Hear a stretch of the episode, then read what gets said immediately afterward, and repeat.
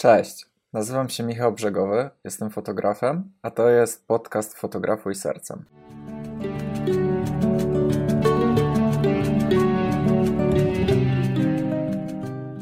Pięćdziesiąt twarzy Michała. Tak nazwałem ten odcinek. Nie mam pojęcia dlaczego.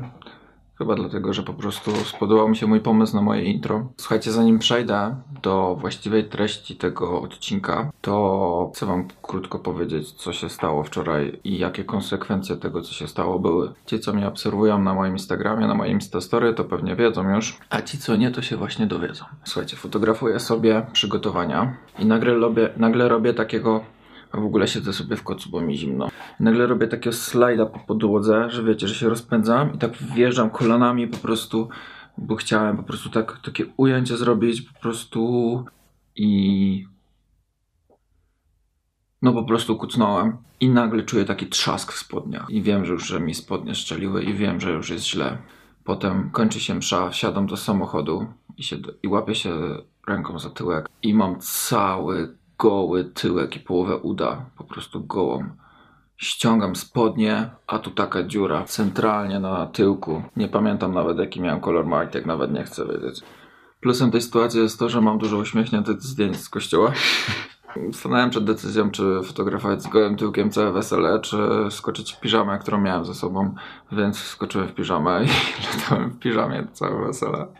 Wracając do tematu tego vloga 50 twarzy Michała. Zauważcie, że każdy z nas zakłada maski społeczne w różnych sytuacjach społecznych, typu inaczej się zachowujemy przy swojej dziewczynie, inaczej się zachowujemy przy swoich rodzicach, w pracy, w szkole. A dziecko ma coś takiego, że przez całe dzieciństwo zachowuje się tak samo do wszystkich, bo jeszcze nie, nie rozumie tego, że trzeba zakładać maski społeczne i że nie wypada się na przykład zachowywać w miejscach publicznych, jak i w domu. On tego nie rozumie, dlatego przez cały czas jest e, sobą. Może to, co teraz powiem, jest marnym porównaniem, ale ludzie e, niepełnosprawni umysłowo, takie jak e, na przykład ludzie z Downem, mają tak samo. Przez to, że oni tego e, nie rozumieją i, i takie osoby właśnie są trochę jak dzieci, przez co one są cały czas szczęśliwe i nie musiają, bo nie muszą zakładać tych masek społecznych, bo są cały czas sobą. Ja mam coś takiego, że ja przez całe życie staram się być sobą w każdych sytuacjach i mi się za to obrywało po dupie wszędzie. Najpierw w szkole, tam e, na studiach, w kontakcie z profesorem, z profesorami, gdy wyrażałem swoje stanie otwarcie, się z tym nie kryłem. Teraz w pracy mi się za to obrywa, że jestem non-stop z tobą i mówię to, co myślę. Bo w korporacjach jest coś takiego, że nie możesz się zachowywać e, że nie możesz być sobą, po prostu musisz udawać, musisz zakładać maski, musisz przed klientem udawać kimś, kim nie jesteś, bo, bo przecież klient to nie jest człowiek. Podam wam taką jedną sytuację, że ustawiałem sobie na Skype'ie e, biznesowym swoje zdjęcie z kotem sobie ustawiłem. Za każdym razem, gdy się wgrywałem na spotkania biznesowe na Skype'ie z z naszymi klientami dużo tam wysoko postanowi, postawionymi.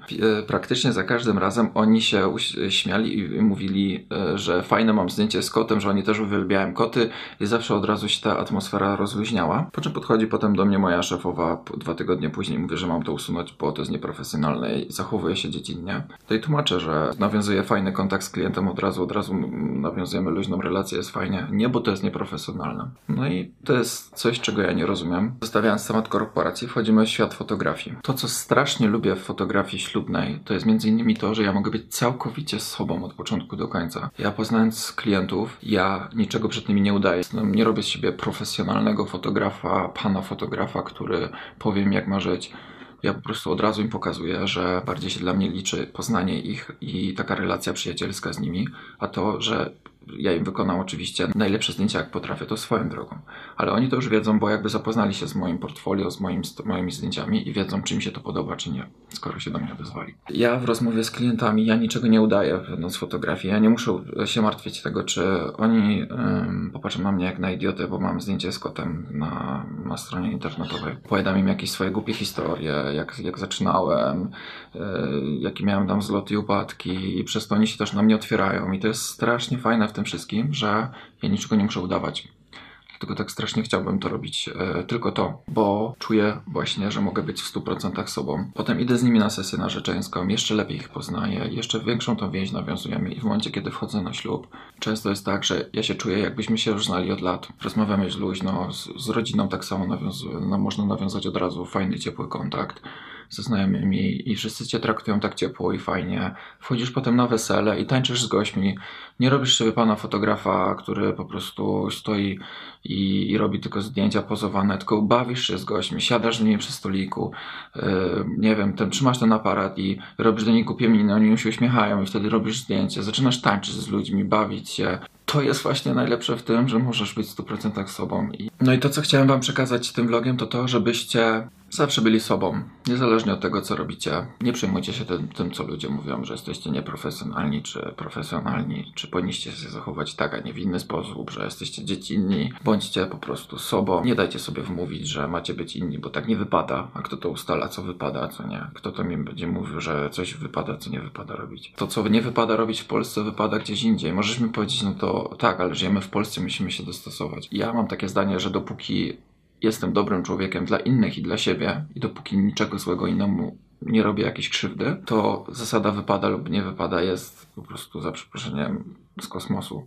Nie wiem jak wy, ale ja chcę być sobą po prostu i tego samego wam życzę, że niezależnie od tego co robicie, jaki rodzaj fotografii uprawiacie lub inną rzecz, którą się zajmujecie, żebyście całe życie po prostu byli sobą i spójni ze swoimi emocjami i ze sobą. Za dużo słowa sobą, bądźcie sobą, sobą, sobą, bądźcie sobą.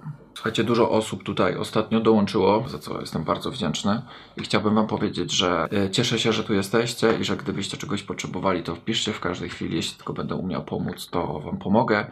I tak samo, jeśli chcecie, mm, żebym nagrał dla was jakiś konkretny odcinek, jakiś temat, który was interesuje, w jaki sposób jak wam mogę pomóc, związany z fotografią lub innym, to, to piszcie do mnie. Nagram. Dzięki za obejrzenie i. Nie, to było zbyt mocne. Dzięki za obejrzenie. Nie. Dzięki za obejrzenie. Dzięki za obejrzenie. Dzięki za obejrzenie. Cześć.